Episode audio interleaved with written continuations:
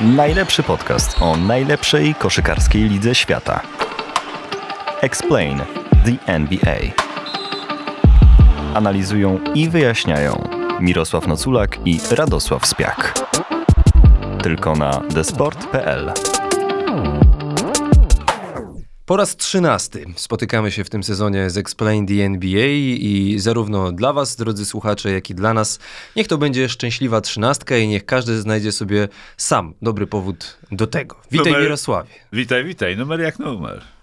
Czternastkę wolę, bo z nią grałem. To czternastka już w najbliższym czasie, już kiedy rozpoczną się playoffy, to co Tygrysy lubią najbardziej. Zanim playoffy się rozpoczną, czekają nas jeszcze play-iny. My nagrywamy ten podcast standardowo w środę, tuż przed końcem sezonu zasadniczego i w naszym subiektywnym przeglądzie tygodnia chcielibyśmy rozpocząć e, właśnie od fazy play-in, dlatego że zarówno na wschodzie, jak i na zachodzie wciąż trwa walka Zarówno o to, żeby do tych play-inów nie spaść, żeby mieć jak najlepszą pozycję w tych play-inach, lub też, żeby do tych play-inów się dostać. I w tym momencie sytuacja jest taka, będziecie odsłuchiwali ten podcast już po kolejnych meczach e, ze środy na czwartek i następnych, więc sytuacja pewnie będzie trochę inna, ale my na razie jesteśmy w miejscu, w którym Miami Heat są na siódmym miejscu na wschodzie, mają mecz straty do szóstego Brooklynu.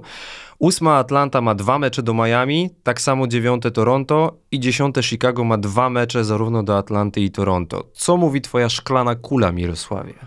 E, To, że Chicago nie wykorzystało okazji pokonania e, Atlanty, powoduje, że będą raczej na pozycji e, 9-10 pozostaną. Raczej. I zdaje się, że z, z Toronto mają e, z Toronto mają bilans, e, Chicago mają bilans bodaj dodatni, ale to trzeba by sprawdzić. W każdym razie mm, e, te dwa zespoły Toronto, Toronto ma jeszcze szansę, żeby wyjść wyżej, również Atlanta, bo zostały trzy mecze do końca. No ale chyba w najkorzystniejszej sytuacji jest Miami, żeby przeskoczyć e, Brooklyn. No i dodajmy, że w tym momencie już na 100% akurat na wschodzie żadna inna drużyna do play-inów nie wskoczy. Indiana już nie ma na to szans, Waszyngton nie ma na to szans, Orlando nie ma na to szans. Orlando dzisiaj przegrało i to zamknęło jej drogę do, do play-in.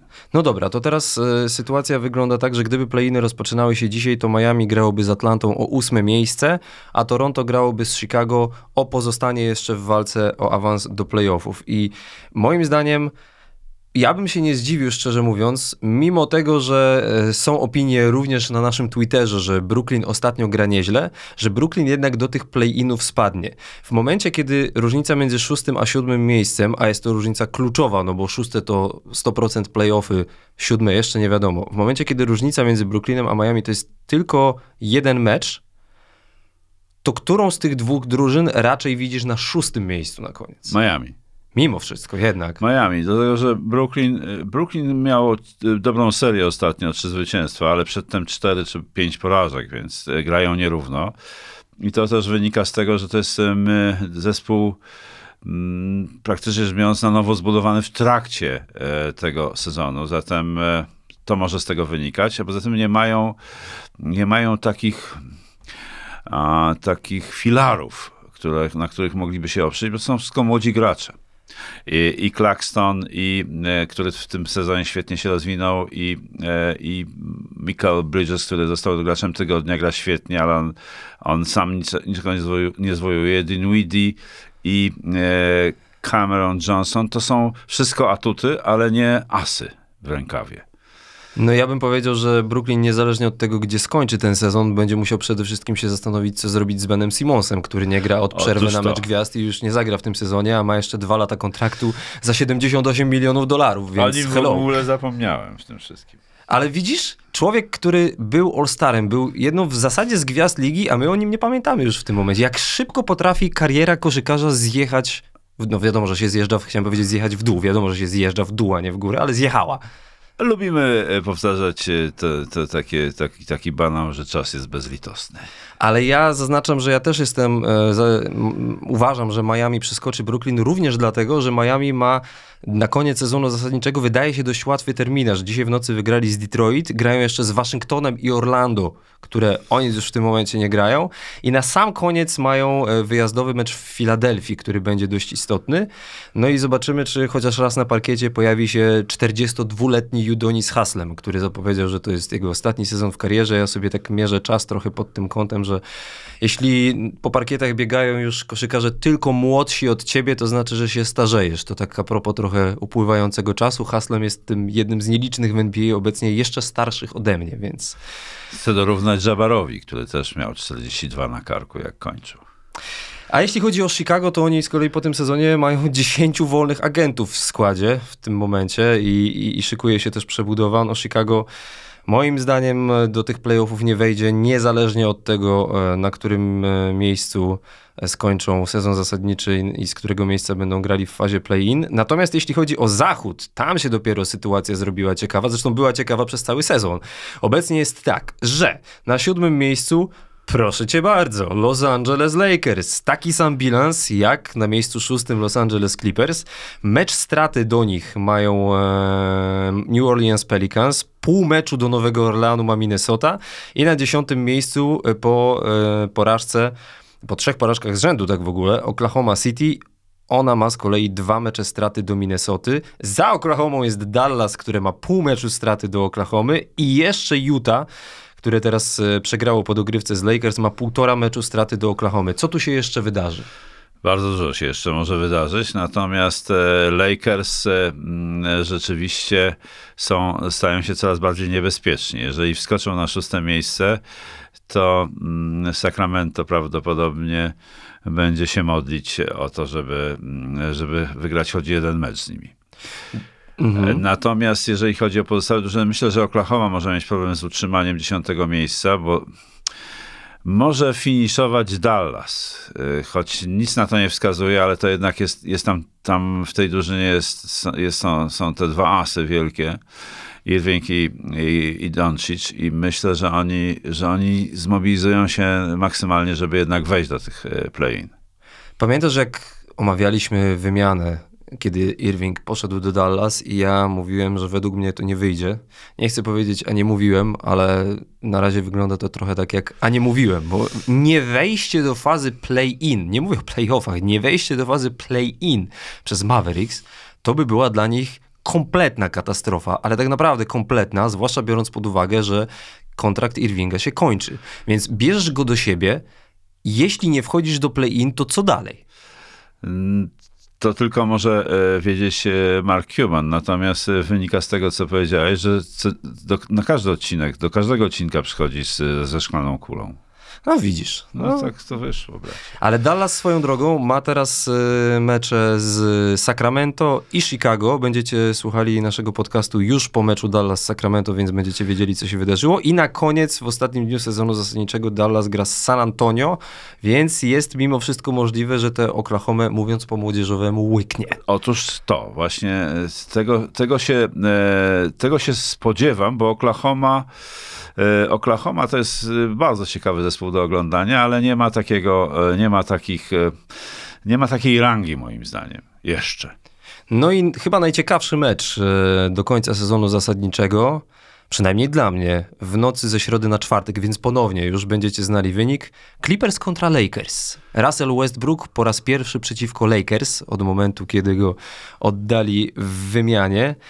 Eee, zaskoczony tym, że Lakers znowu zaczęli wygrywać i że są, mogą awansować no. bezpośrednio nawet do playoffów, nawet nie play-in. No nie, nie, nie jestem zaskoczony, bo po pierwsze e, bardzo, bardzo dobrze, mm, dobrze rozwiązali okres e, wymian pozyskanie Vanderbilta e, i e, D'Angelo Russella plus jeszcze do tego nie, nieprzewidywalnego Malika Bizleya, to są, e, a to jest gość, który już ponad 60% punktów zdobywa rzutów z dystansu, więc to jest ważny dla Lakers czynnik choć on jest nieregularny. O nim mógłbym trochę powiedzieć, ale nie chcę, bo to nie jest temat dzisiejszego podcastu. Choć o to pytali nasi słuchacze między innymi. Ale y, to chcę, y, to chcę powiedzieć, że, że Lakers, y, Lakers realizują swój plan i to, co mnie zaskoczyło pozytywnie, bo jak wiesz, nie jestem miłośnikiem Antonego Davisa ze względu na jego chimeryczność, na jego, na jego strukturę taką psychiczną i, i fizyczną. Ktoś go nazywał porcelanowym, inni kryształowym gościem, bo ciągle jakieś ma kontuzje to jednak on się sprawdza. I on też został gracz, razem z Bridgesem zostali graczem tygodnia. Więc Lakers będą groźni dla każdego. Nie chciałbym być w skórze zespołu, który się spotka Lakers w pierwszej rundzie. No dobra, to jeszcze jedna kwestia. Bo pamiętam, jak siedzieliśmy w studiu, rozmawialiśmy o tym, co się wydarzy w sezonie ja zasadniczym. nie pamiętam, to powiedz. To ja ci przypomnę. A ty mówiłeś, że, że faza play-in to tak nie, że to musi być po klasycznemu 8 drużyn do fazy play-off od razu, że, że, że to jest nagroda za za, pracę w sezonie zasadniczym i czemu dziesiąta drużyna ma mieć szansę walki o mistrzostwo. I Słuchaj, co? I co?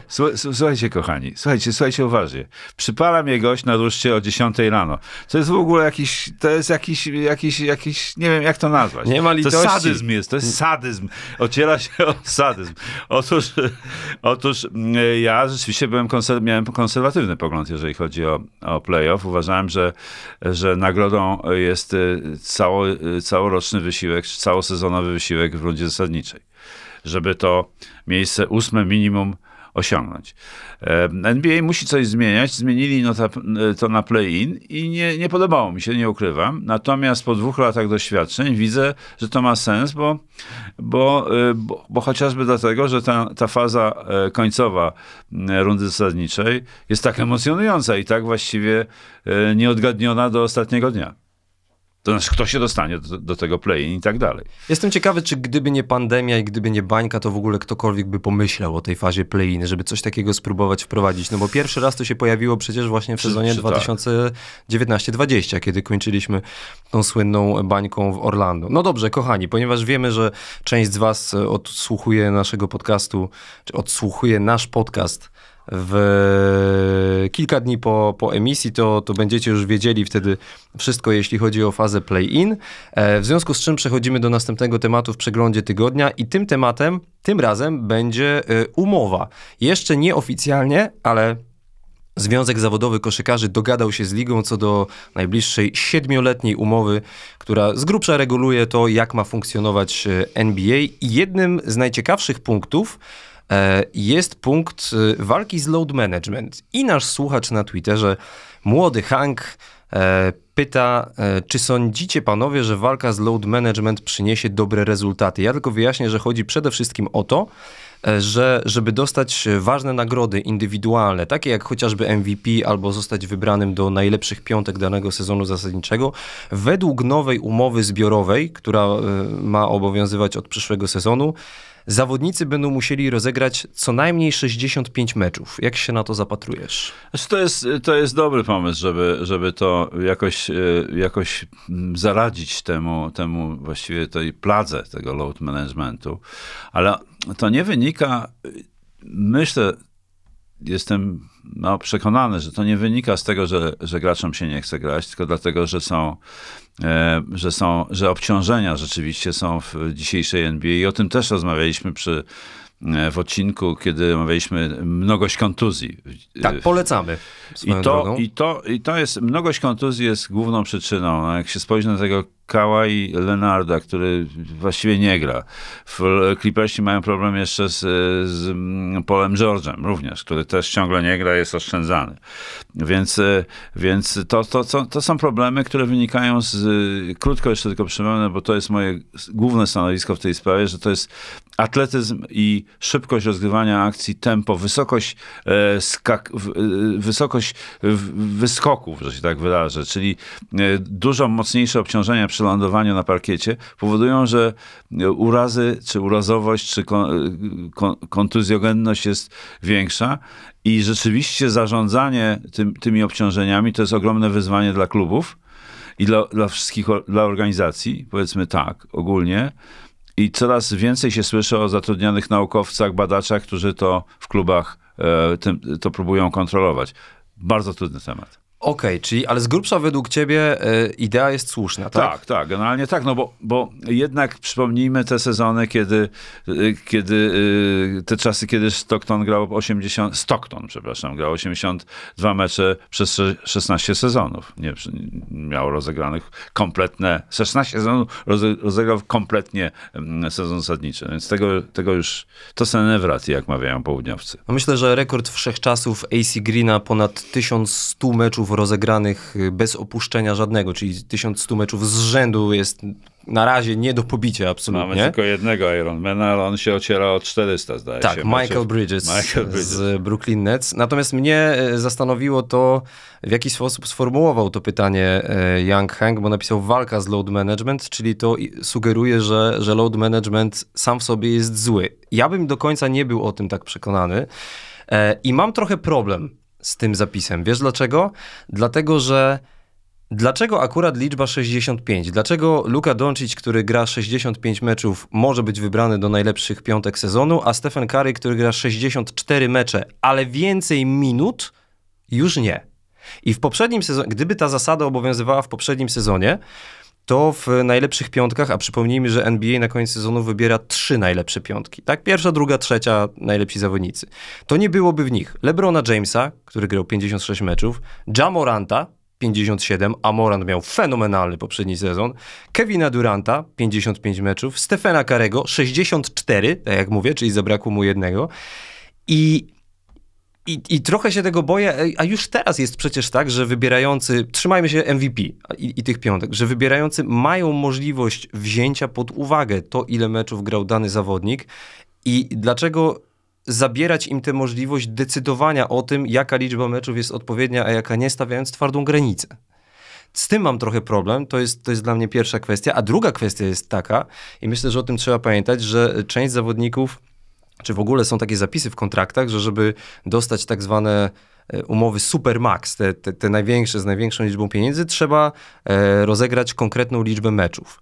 I e, może być też tak, ja się trochę tego boję, że koszykarze tylko po to, żeby wystąpić, bo chodzi o wystąpienie w 65 meczach, po prostu wejdą na 3 minuty, zejdą i będzie się to liczyło jako rozegrany mecz. I to będzie jeszcze bardziej parodia i próba po prostu obejścia przepisów. I jeśli komuś się wydaje, że to jest mało prawdopodobne, to wyszukajcie sobie na YouTubie Drew Holiday'a z poprzedniego sezonu z meczu w Cleveland. Drew Holiday miał w, kont- w kontrakcie, że żeby dostać bonus pieniężny, miał rozegrać 65 meczów w sezonie właśnie.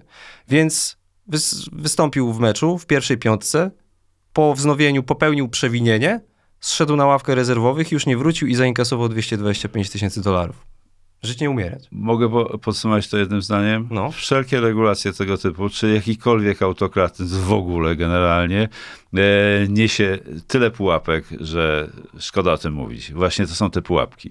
Kombinacje, spekulacje i inne rzeczy, wtedy, gdy się reguluje to w ten sposób, jak, e, jak to proponuje NBA. Ja tylko z dziennikarskiej ścisłości zaznaczę, że pojawiają się informacje, że to, o czym powiedziałem, czyli takie wejścia i zejścia z boiska, ma, ma to być jakoś uregul- uregulowane dodatkowo w, To jeszcze więcej w tej będzie kwestii pułapek. i będzie jeszcze więcej pułapek i jeszcze bardziej będą próbowali jest. to obchodzić. Natomiast ostatnia kwestia na ten temat i dlatego o tym powiedziałem, że czy, czy na pewno load management sam w sobie jest zły, no bo koszykarze, ja nie lubię tego określenia zasoby ludzkie, bo to trochę odhumanizowuje, że tak się wyrażę, ale w pewnym sensie koszykarze są zasobami klubów, więc te kluby, sztaby szkoleniowe, yy, dyrektorzy sportowi i tak dalej, starają się tymi zasobami zarządzać jak najlepiej w perspektywie długoterminowej. Więc oczywiście Kawhi Leonard, absolutnie się z tobą zgadzam, ale to jest najbardziej ekstremalny przypadek.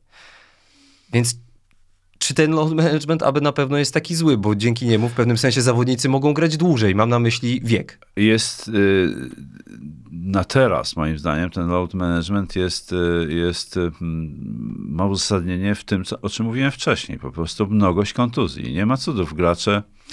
Jeszcze jest jeden element warty, warty e, podkreślenia, że mm, wiek graczy się przedłuża. No właśnie o tym to powiedziałem. Jest, to jest właśnie Tak, kluczowe, że, że, że Być może dzięki temu. że, że, że gracze chcą grać coraz dłużej i mogą grać coraz dłużej, no, przy tych ogromnych obciążeniach są narażani na coraz y, y, częstsze i więcej przerw. Proste. I teraz, jeżeli są podpisane długoterminowe, kluby mają podpisane e, długoterminowe e, umowy z takimi graczami, to muszą ich chronić, żeby w ogóle mieli jakikolwiek z nich pożytek i tyle.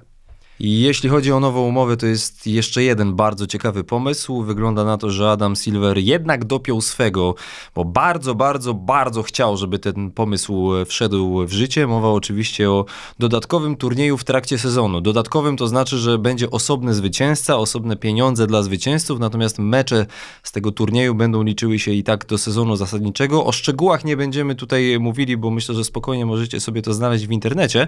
Natomiast y, kolejne pytanie z Twittera mamy a propos tej właśnie kwestii. E, Grzegorz Polański pyta, e, co panowie sądzicie o tym e, turnieju dodatkowym w trakcie sezonu i Grzegorz dodaje, i dlaczego to świetny pomysł. No ja nie jestem przekonany i przyznam ci szczerze, Mirosławie, że jak o tym usłyszałem pierwszy raz, już parę lat temu, to się złapałem za głowę, stwierdziłem, że Amerykanie mają zupełnie inny styl myślenia o sporcie i że to nie przejdzie. Jak widać, myliłem się, bo ma to się pojawić już w następnym sezonie. Ma, ma to być też rozłożone w czasie. Nie będziemy, nie mamy tutaj czasu, żeby omawiać wszystkie szczegóły. Jesteśmy pewni, że znajdziecie sobie to w internecie, więc skupimy się tylko na ocenie tego. E, ja jestem przeciw. Tak mówiąc wprost, zupełnie mi to nie pasuje i nie chce mi się trochę wierzyć, że ten turniej, nawet mimo nagród pieniężnych, w jakikolwiek sposób będzie prestiżowy. Okej, mecze będą się liczyły do sezonu zasadniczego, bo to nie będzie osobny turniej, więc warto będzie walczyć o zwycięstwa, ale czy to będzie prestiżowe? Absolutnie wydaje mi się, że nie. Myślę, że Adam Silver chce się w jakiś sposób zaznaczyć e, taką zmianą, że wprowadza taką zmianę, bo on mm, y, moim zdaniem zbyt wielu osiągnięć nie ma na tym polu jako, jako następca Davida, Davida Sterna. Także tutaj może wynikać to z tego, i że tam jego, jego y, swoich, swoje zespoły do, do rozwiązań różnych y, zmusza do tego, że wymyślali y, jakieś historie. Ten turniej, ja nie mam zdania. Nie, nie mówię, że jestem przeciwny, bo, bo wyjdzie na to tak jak z tym, z tym play-inem, że się ten turniej okaże fajną i bardzo atrakcyjną imprezą. Więc y, tego nie wiem i, i nie, nie, chcę, nie chcę się na ten temat wypowiadać. Natomiast, y, y, natomiast ja bym bardzo apelował do pana e, Adama Silvera, żeby zajął się sędziami, bo to jest istotny problem dzisiejszej NBA, a nie turniej ośmiu zespołów. Sędziowanie jest na poziomie tragicznym w tym sezonie. Tragicznym. Jest gorsze niż w Europie, czego nigdy myślałem, że nie powiem. W związku z tym, panie Adamie, proszę się zająć sędziami, bo to jest koszmar w tej chwili. To, to sędziowie stają się głównymi, y, głównymi aktorami spektaklu, a nie prawdziwi, nieprawdziwi gracze. Ci, którzy kreują to widowisko.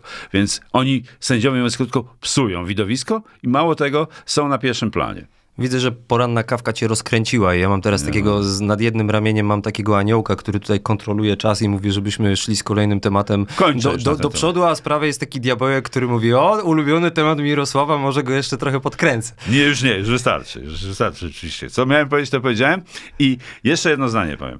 E, Miałem dwa, dwa ostatnio mecze i nic nie, e, nie e, w, w trzy mecze wcześniej pojechałem po sędziach jak, jak nigdy w Mówisz życiu. o swoim komentarzu w- w Kanal Plus. A, e, a, a dwa ostatnie mecze e, Chyba nie wspominałem o sędziach i to jest najwyższa ocena dla sędziów. Jeżeli komentatorzy i widzowie e, nie pamiętają, kto sędziował mecz. Tyle na ten temat. Dobrze, moi drodzy, przechodzimy zatem z przeglądu tygodnia, e, ponieważ czas nas goni, do głównego tematu dzisiejszego odcinka. Ponieważ, tak jak mówiliśmy, e, kończy się sezon zasadniczy, a, a spora część z Was odsłuchuje Explain the NBA już po jakimś czasie, uznaliśmy wspólnie z Mirosławem, że dziś wrócimy do tego, co było e, istotną częścią pierwszego sezonu naszego podcastu, czyli trochę takiej szerszej analizy koszykówki, NBA, I wybraliśmy temat trochę bardziej uniwersalny. Wynika to po części z faktu, że e, dwoma graczami, którzy mają, wszystko na to wskazuje, największe szanse na statuetkę MVP są Joel Embiid i Nikola Jokic, czyli de facto środkowi.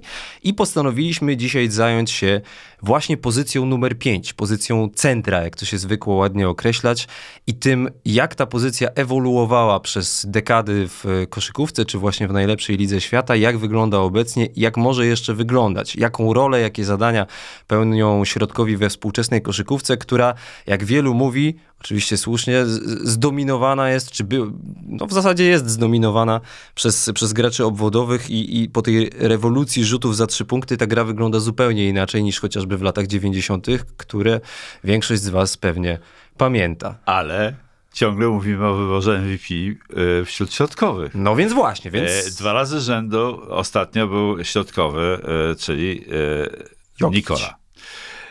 Dwa, cztery, trzy i cztery sezony wcześniej taki fałszywy środkowy, właściwie czwórko-piątka, Janis Adetokumbo. Adetokumbo. Sobie pozwolę powiedzieć e, tak, jak e, trzeba. I to jest, e, i to jest, i to jest ciekawe, bo ich rola niby spada, według tego, co powiedziałeś, i według statystyk też, ale ciągle oni są wybierani jako, jako ci najlepsi gracze. Ja bym zaczął od tego. Jest takie stare powiedzenie w świecie koszykówki, wzrostu nie nauczysz. I, Co ty powiesz? Pierwsze słyszę. I przez lata, żeby nie powiedzieć, że przez dekady, sam fakt tego, ja tutaj wolę to angielskie określenie size, czyli dosłownie to się tłumaczy rozmiar, bo w, to, No w tak. tym się zawiera zarówno wzrost, jak i zasięg ramion, który jest bardzo ważny I dla, rozmiar butta. dla graczy wysokich. W To też. Shakila istotne. To też, że, że, że ten tak zwany size i, i siła wystarczały do tego, żeby grać pod koszem. A jeśli miało się talent, albo nawet dużą dozę talentu, to nawet do tego, żeby dominować. Była, I- są ery dominatorów, do tego przejdziemy, ale mów. Bill Russell, Wilt Chamberlain, Karim Abdul-Jabbar, Hakim Olajuwon. Oczywiście nie twierdzę, że, że oni wszyscy grali tylko dlatego, że, że byli wysocy, silni i tak dalej, i tak dalej. Ale nie da się ukryć, że przed wprowadzeniem linii rzutów za trzy punkty, skupimy się na NBA, czyli w skrócie przed 1979 rokiem, pozycja numer 5 była w zasadzie najistotniejszą. E, oczywiście obok rozgrywającego, no bo to przez lata były dwie najważniejsze pozycje. 1-5, tak. Linia 1-5 była najważniejsza w starej koszkówce. I w dużym skrócie oczywiście e, ta pozycja ewoluowała wraz z tym, jak zmieniało się znaczenie rzutów za trzy punkty. I zmieniała się do tego stopnia, że przez powiedzmy ostatnią dekadę, tak z grubsza, od 2010-2012 roku, bardzo dużo w NBA jest tak zwanego small ball, czyli gry bezśrodkowych, czasami nawet bez pozycji numer 4, jak to w ekstremalnych przypadkach e, Mike D'Antoni za czasów Houston Rockets próbował grać. Oczywiście nie mówię, że nie ma samych pozycji, tylko że zawodników, którzy nominalnie graliby na tych pozycjach. Dzisiaj Warriors dosy grali w takim składzie momentami. Najwyższy był e, Draymond Green, który nie wiadomo na jakiej pozycji gra, może grać na każdej, w związku z tym to potwierdza to, co mówisz. No to moje pierwsze pytanie do ciebie jest takie. E, Po pierwsze, czy, czy, czy jesteśmy w stanie to w ogóle ocenić? Czy to dobrze, czy to źle, że ta gra się tak zmieniła i czy tylko rzuty za trzy punkty miały na to wpływ? Mm, No, rzuty za trzy punkty były, miały istotny wpływ. Natomiast e, czy to dobrze, czy to źle? Ja, ja spojrzałem na to właśnie trochę, trochę historycznie z, i z punktu widzenia moich ulubionych graczy. Abdul-Jabbar był dominatorem w swoim czasie sześć tytułów mistrzowskich. Potem e, Hakim Olajuwon. Dwa tytuły tylko, ale to dla mnie najlepszy środkowy wszechczasów. E, jeszcze ciągle. To, co, co robił Hakim, to było niesamowite. Choć jest to ta, ten, ta szkoła bez rzutów za trzy. Ja nie wiem, on kilka, kilkanaście. Nie, to Jabbar miał kilkanaście rzutów za trzy, zdaje się, w całej historii. Olajuwon trochę więcej. Jabbar miał e, 1 na 18 O, w trakcie właśnie. swojej kariery. Hakim Olajuwon rzucał trochę więcej, natomiast generalnie też niespecjalnie trafiał. Olajuwon w trakcie całej swojej kariery 25 na 124 za 3 punkty. To w sezonie zasadniczym w playoffach 4 na 18. I trzeci, który moim zdaniem był dominatorem, to jest Shaquille O'Neal. On miał chyba cztery tytuły mistrzowskie. Tak, 3 z Lakers I jeden z Miami. Miami. Więc to t- i ci, gla, ci gracze a, wyróżniali się określonymi cechami i umiejętnościami. A, Jabbar wyprawiał przepiękne rzeczy w polu 3 sekund, a już ten jego skyhook przeszedł do historii i tak nikt nie rzuca już dzisiaj. To jest niezwykle trudny rzut i nikt nie próbuje tego kopiować, bo to jest tak trudny rzut. To skyhook z, spod samego kosza, z dwóch metrów, z jednego metra, to, to żadna sztuka, ale on trafiał z trzech, czterech, czasami pięciu metrów takim rzutem, więc to niezwykle trudny rzut. Olarzył on miał nieprawdopodobną liczbę manewrów. Był najbardziej manewrowym według mnie graczem. Miał niesamowity rytm, wyczucie rytmu i, i, i tempa, a Shaquille był po prostu potwornie silny i nie, nie dawał szans pod koszem nikomu, ani z jednej, ani z drugiej strony, bo i bloki, i, i paczki, mówiąc krótko. To się bardzo zmieniło. Takich graczy już nie ma, chociaż ja pozwoliłem sobie na taką, na taką klasyfikację współczesnych środkowych. Nazywam ich, ich hybrydowymi środkowymi, bo łączą te, e, te, te umiejętności, ten styl gry, głównie blisko kosza, z tamtymi czasami, e, tych graczy, o których mówiłem, a jednocześnie grają fantastycznie przodem do kosza i y, y, potrafią e, trafiać z dystansu. I to jest dla mnie trójka absolutnie jest tutaj e, wyróżniająca się. To jest mm, kolejność nie ma znaczenia, ale ja zacznę od Bruka Lopeza, który jest, który jest bardzo ciekawym przypadkiem. E, Joel Embiid i, i oczywiście e, Nikola Jokic. To, ta trójka gra według, łączy te dwa, te dwa żywioły, czyli gra blisko kosza i gra na obwodzie. Jeszcze można do nich dodać e, e, Karla Antonego Townsa, może nawet e, w pewnym sensie mm, gracza Chicago Wuczewicza, bardzo trudne do wymienienia dla mnie nazwisko. I, I no jeszcze paru można by znaleźć, ale ci są najważniejsi i to jest mm, moim zdaniem najciekawszy styl we współczesnej koszykówce, bo tutaj jeszcze jedno dodam zdanie lub może dwa. Jak wykorzystywać taktycznie tę umiejętność tę do kosza? Co, co ona, na co ona pozwala? Pozwala na to, że jeżeli, jeżeli gracze tak groźni w ataku, jak ci trzej, czy ci, którzy wymieniłem ze współczesnych zawodników, grożą zdobywaniem punktów spod kosza, to otwiera się właśnie w kontekście tego, co też powiedziałeś, tej, tej inwazji rzutów za trzy, otwiera się możliwość grania inside-outside, która zawsze była, czyli do środka i na zewnątrz była w koszykówce, ale nie w takim stopniu jak teraz. Bo ściągnięcie dwóch graczy w obronie pod, pod koszem daje jedno wolne miejsce na wwodzie i często środkowi odrzucają na, na wolną pozycję i tam pakują goście za trzy. Ciekawe, że podałeś najpierw przykład Bruka Lopeza, bo jak ja się przygotowywałem do nagrywania tego odcinka, to sobie wyróżniłem przede wszystkim dwóch środkowych właśnie a propos rzutów za trzy punkty. Jednym jest Lopez, drugim jest Mark Gasol, którego wprawdzie w NBA już nie ma, ale oni moim zdaniem bardzo dobrze ilustrują tę zmianę właśnie w kontekście rzutów za trzy punkty, bo e, to nie jest tak, że oni przychodząc do ligi rzucali za trzy punkty, A, tak. tylko w trakcie kariery mocno Właśnie. zmienili swój sposób grania. I teraz, żeby to poprzeć liczbami, bo zarówno Brook Lopez, jak i Mark Gasol zaczęli grać w NBA e, w 2008 roku. E, Brook Lopez przez pierwszych sześć lat swojej kariery, mówię o sezonie zasadniczym, e, oddał łącznie 7 rzutów za trzy punkty. Przez 6 lat. Jeszcze w sezonie 2015-16, kiedy był graczem Brooklyn Nets, miał 2 na 14 za 3. W następnym sezonie, czyli rok do roku, zwiększył liczbę oddanych rzutów za 3 z 14 do 387 z sezonu na sezon, podkreślam. I to był pierwszy sezon w, w, w Milwaukee. To był jeszcze sezon w Brooklynie. Brooklynie. To był jeszcze okay. sezon w Brooklynie. On potem spędził jeszcze rok w Los Angeles Lakers i dopiero potem było Milwaukee. Natomiast Mark Gasol Eee, jego ewolucja, właśnie to w zasadzie można nazwać nawet rewolucją, bo w przypadku Gasola było podobnie. On też zaczął grać w 2008 roku i przez pierwsze lata mało rzucał za trzy, potem miał kilkanaście rzutów i w sezonie 2015-16, uwaga, miał 2 na 3 za 3 punkty. W następnym sezonie oddał trójek 268.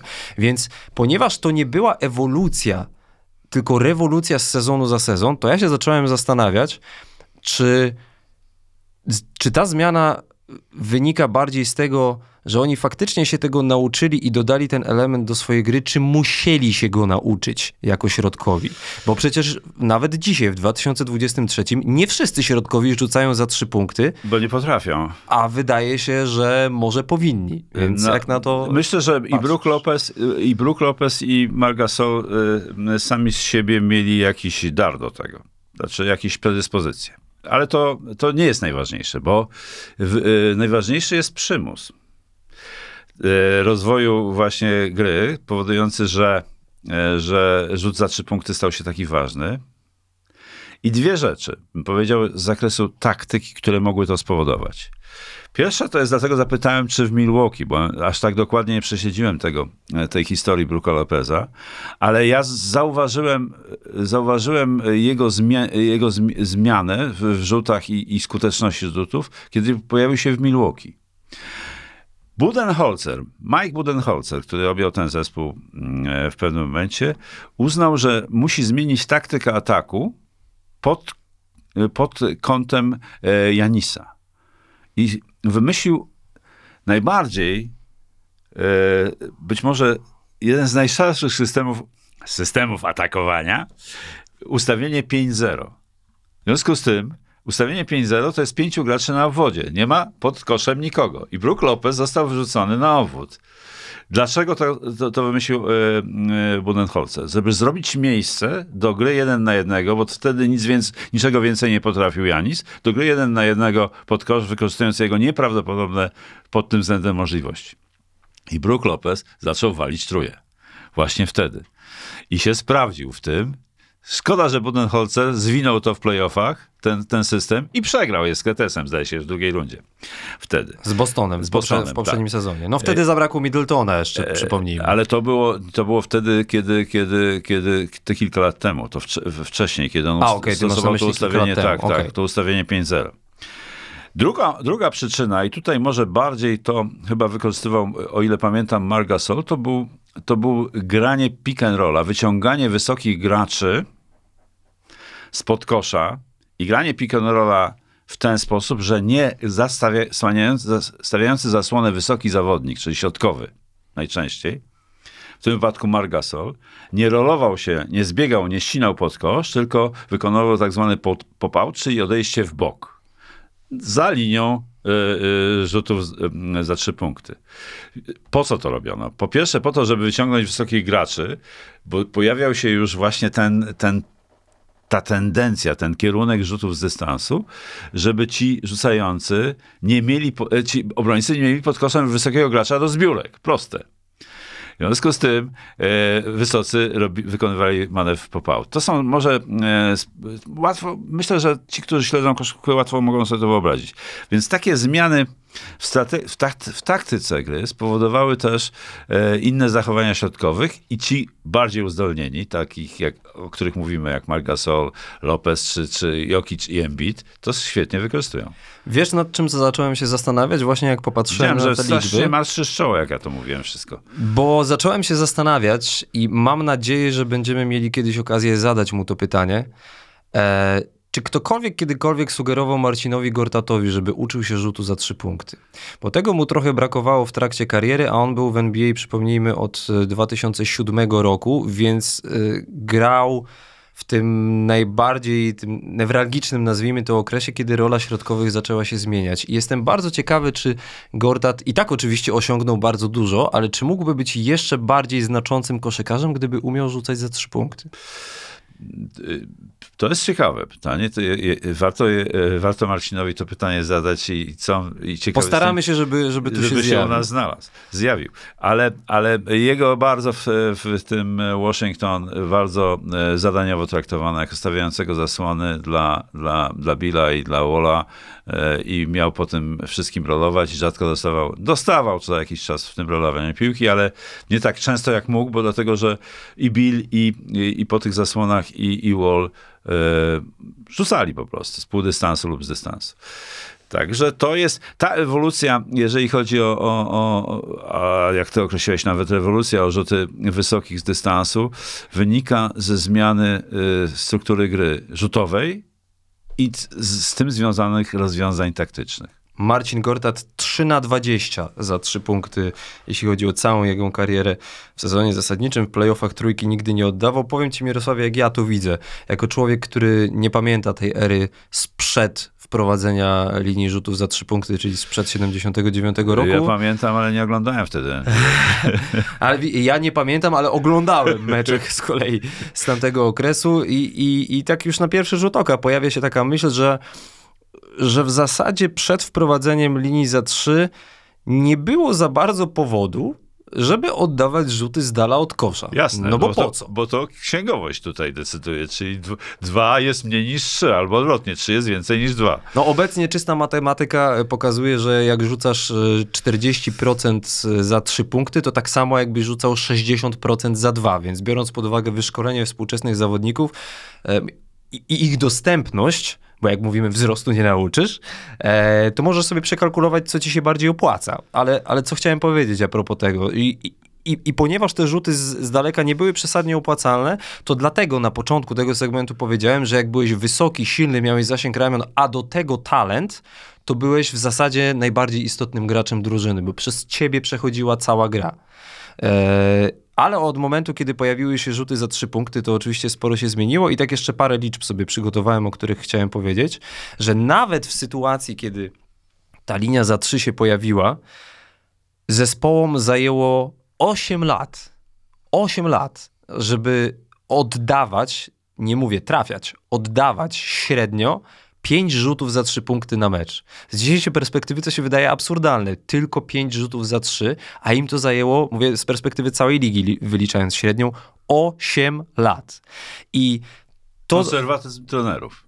no, to o czym Może kiedyś to, o czym już kiedyś mówiliśmy, że, że oczywiście do adaptacji, do nowości, a to była ogromna nowość, trzeba się było przystosować i, i pewien czas musiał minąć, natomiast mimo wszystko jest to dla mnie trochę zaskakujące, że to trwało aż tak długo. Ale to, co, to, co znalazłem przygotowując się do, do nagrania i o czym bardzo chciałem powiedzieć, i myślę, że nie mówi się o tym aż tak często, a warto, to to, e, w jakim tempie grało się w konkretnych dekadach. Otóż to. Dlatego, że y, obecnie wszyscy wiemy i często też my w naszym podcaście odnosimy się do, do tak zwanego e, ofensywnego i defensywnego ratingu, czyli do punktów traconych bądź zdobywanych na 100 posiadań. Więc jak się popatrzy na, e, na dekady e, NBA, e, cofając się no nawet 50 lat, to widać bardzo ciekawy trend, dlatego że w latach 70. E, przeciętny zespół NBA miał 106 posiadań piłki na mecz. W latach 80. 101, czyli o 5 mniej, w latach 90. 93, czyli o 13 posiadań piłki mniej niż 20 lat wcześniej, e, czyli 13 e, szans mniej na zdobycie punktów. I wydaje mi się, że, że w latach 90. również ta gra trochę zmierzała w kierunku e, izolacji, również tyłem do kosza, przede wszystkim dla wysokich. I jeszcze obowiązywały stare przepisy, illegal defense. Oczywiście i to jest właśnie bardzo istotne, bo one zostały wprowadzone na początku lat 80. Zasada illegal defense zniknęła w e, takiej formie, jaką ją znaliśmy w 2001 roku. E, i, I dopóki istniała, to ci ludzie właśnie pokroju Ola Żuona, pokroju Shaquilla O'Neala, czy chociażby Patryka Ewinga, o którym czasem zapominamy, e, mieli po prostu, e, przepisy były stworzone trochę bardziej pod nich. A kiedy w 2001 roku zniesiono illegal defense, kiedy w 2004 roku zniesiono hand checking, to otworzyła się gra dla obwodowych, dla skrzydłowych i, e, no i, i gra wygląda zupełnie obecnie inaczej. Tak, to są, to są, to są ważne rzeczy, które, o których powiedziałeś. Jak się zmieniła struktura gry w związku ze zmianą przepisów. Chociażby, bo tutaj właśnie e, koszykówka zawsze mi się kojarzyła, e, rozwój koszykówki zawsze mi się kojarzył tej amatorskiej, bo to bardziej oglądałem. Zawsze zmieniano przepisy e, podczas e, e, w systemie czteroletnim, podczas systemie olimpiady i podczas igrzysk olimpijskich wprowadzono nowe przepisy. Więc to było zawsze wpływało na, na, na zmianę, e, zmianę struktury gry i, no i rozwiązania taktyczne. No to teraz pytanie. E, czy, czy klasyczna pozycja środkowego jeszcze w ogóle współ, y, funkcjonuje we współczesnej koszykówce? Bo, bo ja słyszę raz na jakiś czas takie opinie, że Nikola Jokic to tak naprawdę jest rozgrywający, tylko że w ciele środkowego. To, mm, y, no to mówimy o, o wybitnie utalentowanych graczach, bo o, o tym już mówiliśmy, którzy potrafią mm, robić dużo więcej rzeczy dzięki tej z, zmianie struktury gry i ich talentowi niż ci poprzedni, bo być może i Jabbar, i to bardzo utalentowani gracze, i Olajuwon, może w mniejszym stopniu rzutowo Shaquille O'Neal, mogliby tak grać, mogliby tak grać teraz, gdyby, to, gdyby się znaleźli w lidze.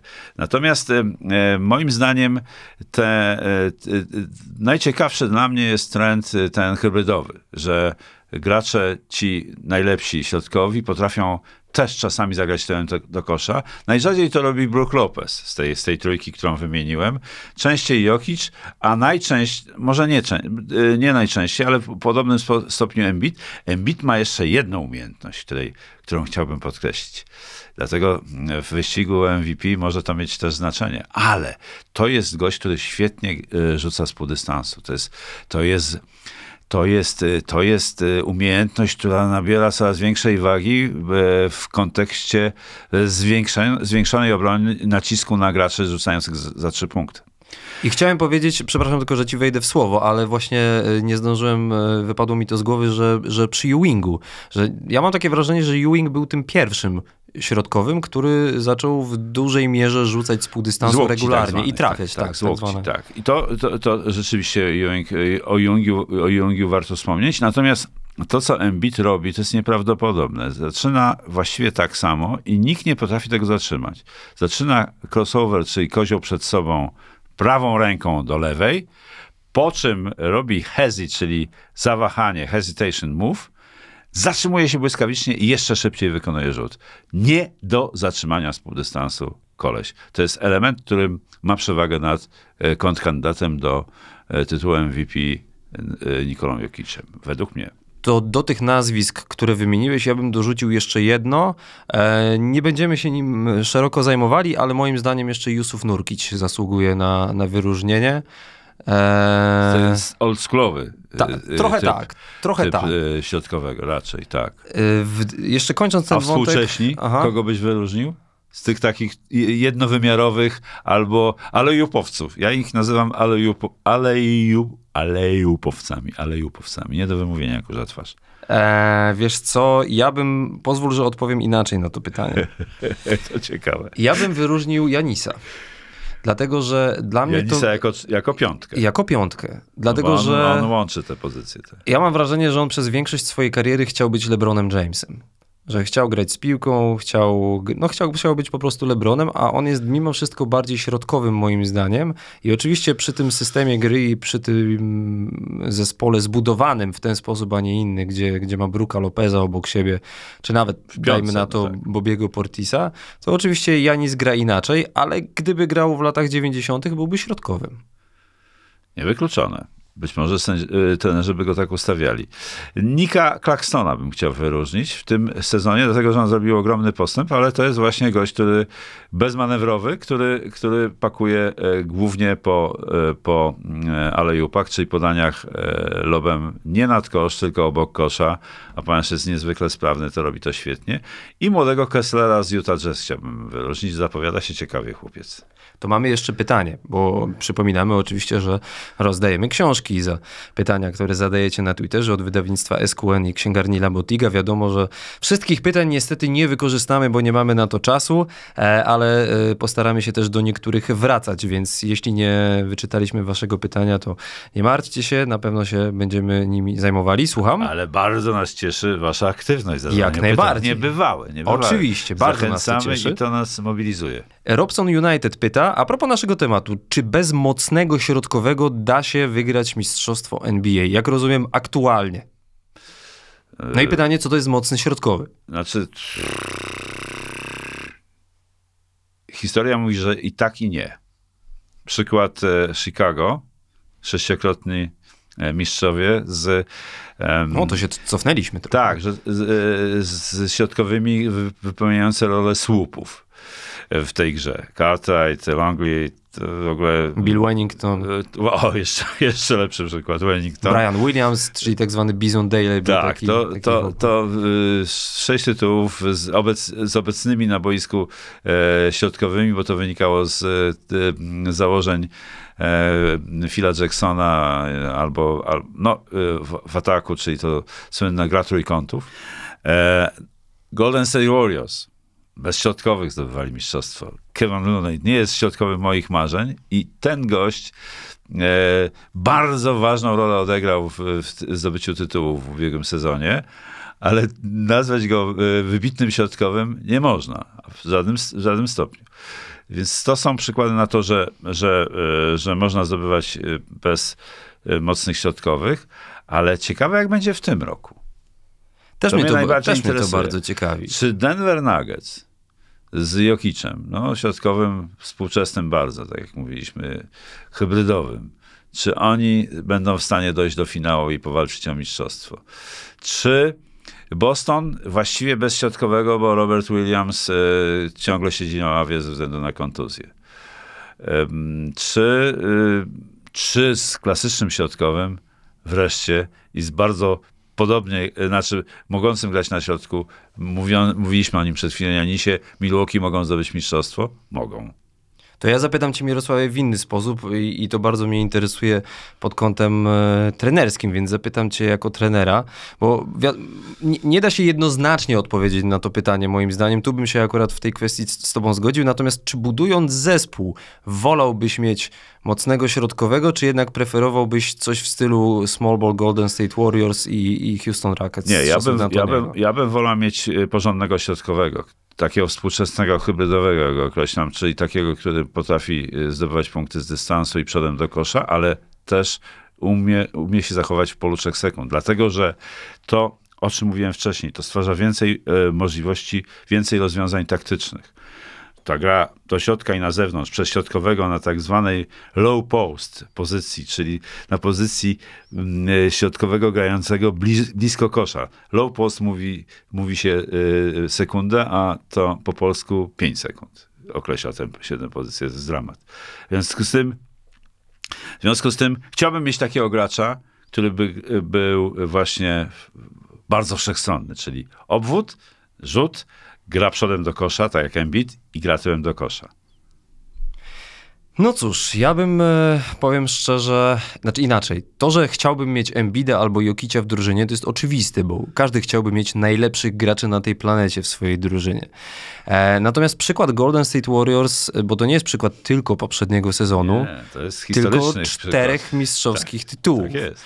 E, pokazuje, że, e, że da się zdobywać mistrzostwa regularnie, jakkolwiek dziwnie to nie zabrzmi, nie e, skupiając swojej uwagi na pozycji numer 5. Wcześniej Chicago, sześć tytułów ze środkowymi, którzy pełnili tę rolę, o której wspominaliśmy, więc przy budowaniu, przy budowaniu składu no, GM-owie mają, mają, mają, mają, mają się nad czym zastanawiać.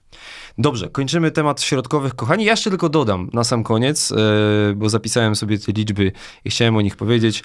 W 2012 roku po raz pierwszy w yy, All Star kiedy do meczu gwiazd odbywa się głosowanie. Po raz pierwszy wtedy, właśnie w 2012 roku, nie było pozycji środkowego.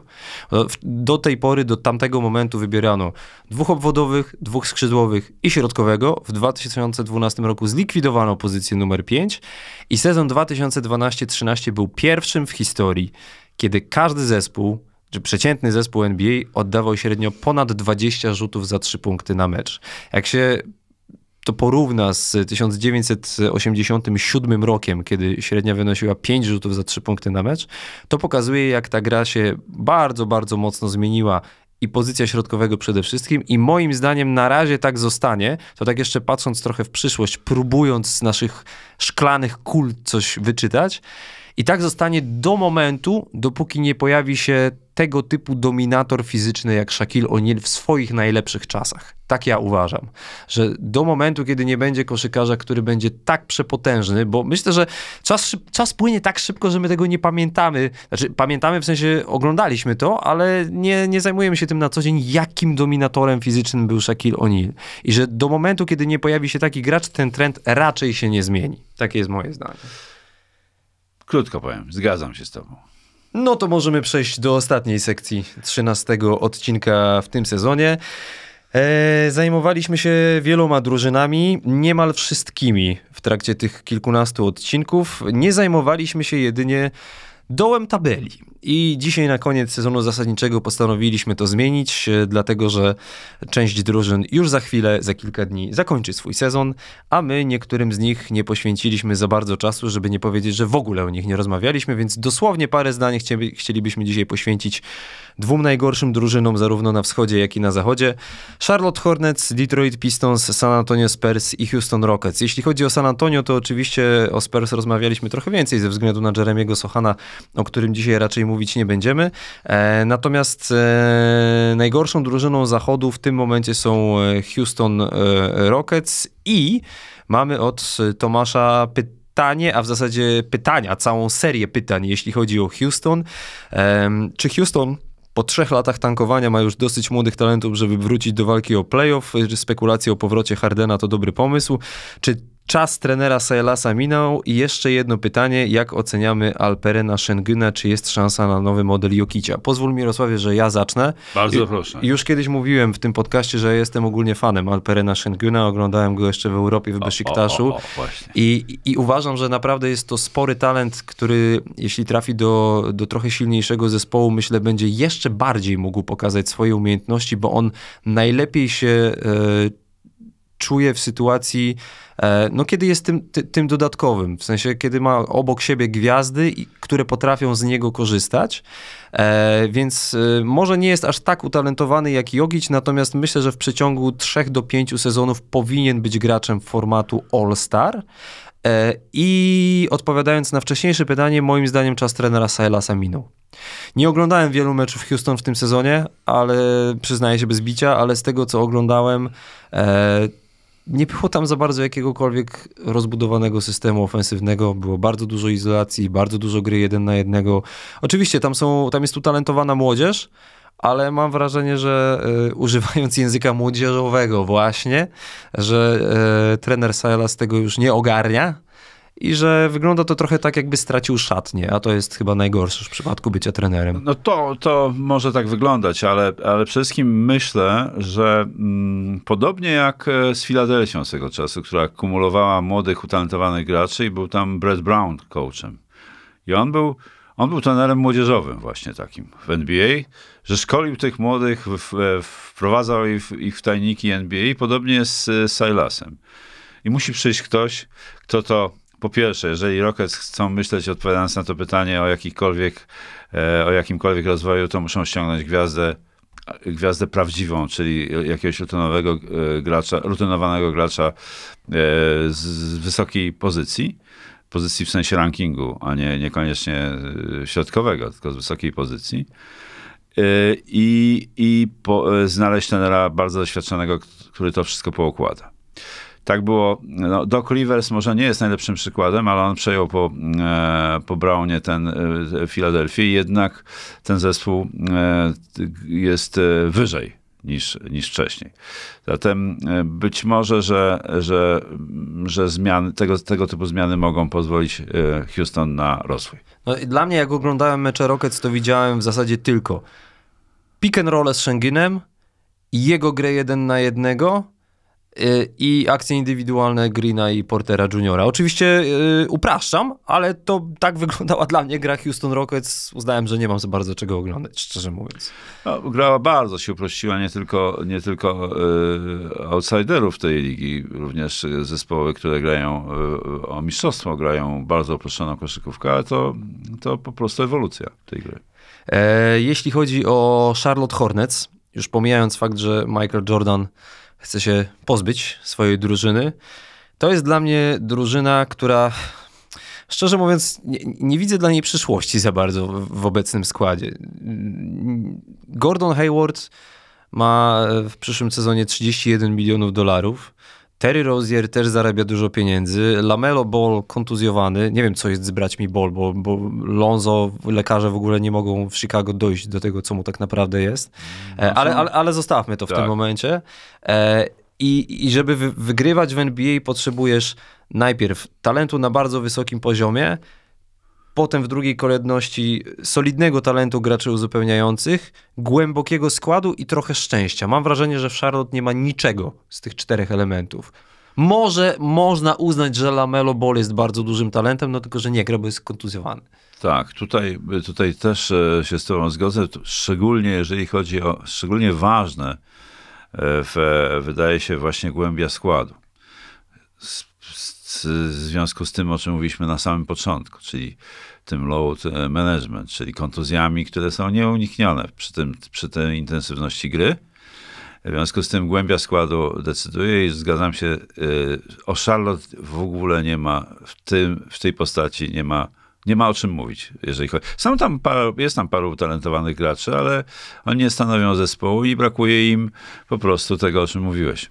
To może, e, skoro nie ma o czym mówić, to może fani Detroit będą chcieli powiedzieć trochę więcej. O, sytuacja jest taka, że e, cały sezon stracił e, numer jeden poprzedniego draftu, czyli Kate Cunningham. Detroit właśnie sprowadziło numer dwa draftu sprzed już w tym momencie trzech lat, czyli Jamesa Wisemana. A jeszcze wcześniej mają też numer, też dwa chyba, gość z Duke, czyli Marvin Bagley, No oczywiście, sprowadzony, on był numerem drugim w 2018 roku. E, czwarty numer zeszłorocznego draftu Jaden Ivey, do tego całkiem nieźle grający Jalen Duren. E, będą mieli wysoki wybór w drafcie w e, tym roku.